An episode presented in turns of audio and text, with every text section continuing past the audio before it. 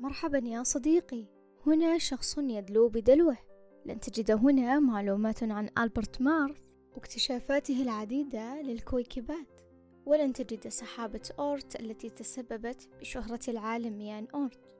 فجميعنا نعلم أن الفضاء متسع من الأرض أو الخالي من الأرض. فنحن لسنا إلا أشخاص نصبوا خيامهم في الفضاء.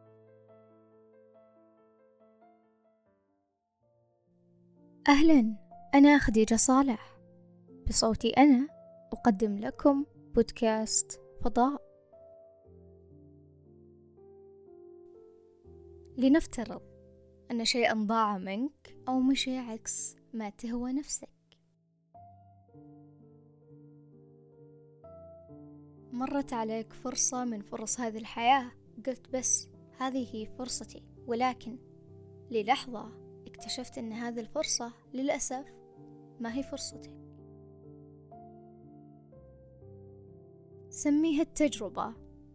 درس من هالدنيا أو حدث عابر أو خيبة. سميها مثل ما أنت تبي وتحس ولكن أبيك تدرك تماما بأن فرصتك الحقيقية ما راح تنساب من بين أصابعك بإذن الله. أحد الدروس التي قالها علي بن أبي طالب رضي الله عنه كل متوقع آت فتوقع ما تتمنى.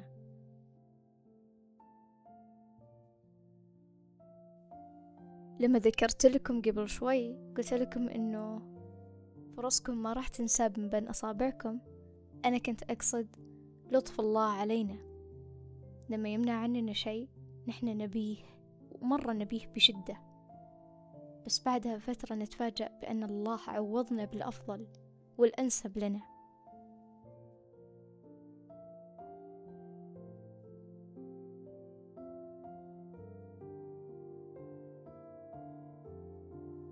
كل اختصار الله رحيم بعباده.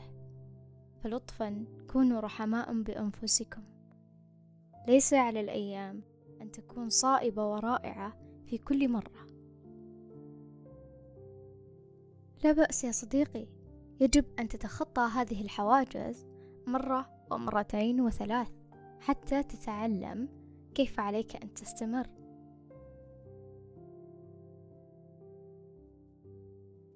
أتوقع أن معظمنا يدري ويدرك تماما بأن في فضاء الواقع كل منا يملك حياتين.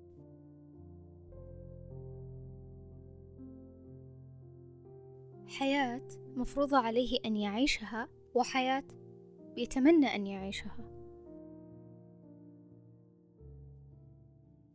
والهدف من محتوى بودكاست فضاء هو أن أتطرق إلى مواضيع تلامس ما في داخلكم.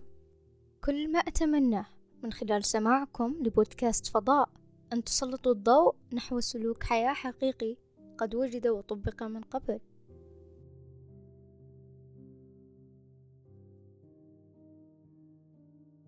أود أن أقول لكم أنني أسعى جاهدة بجميع أشكال المحاولات.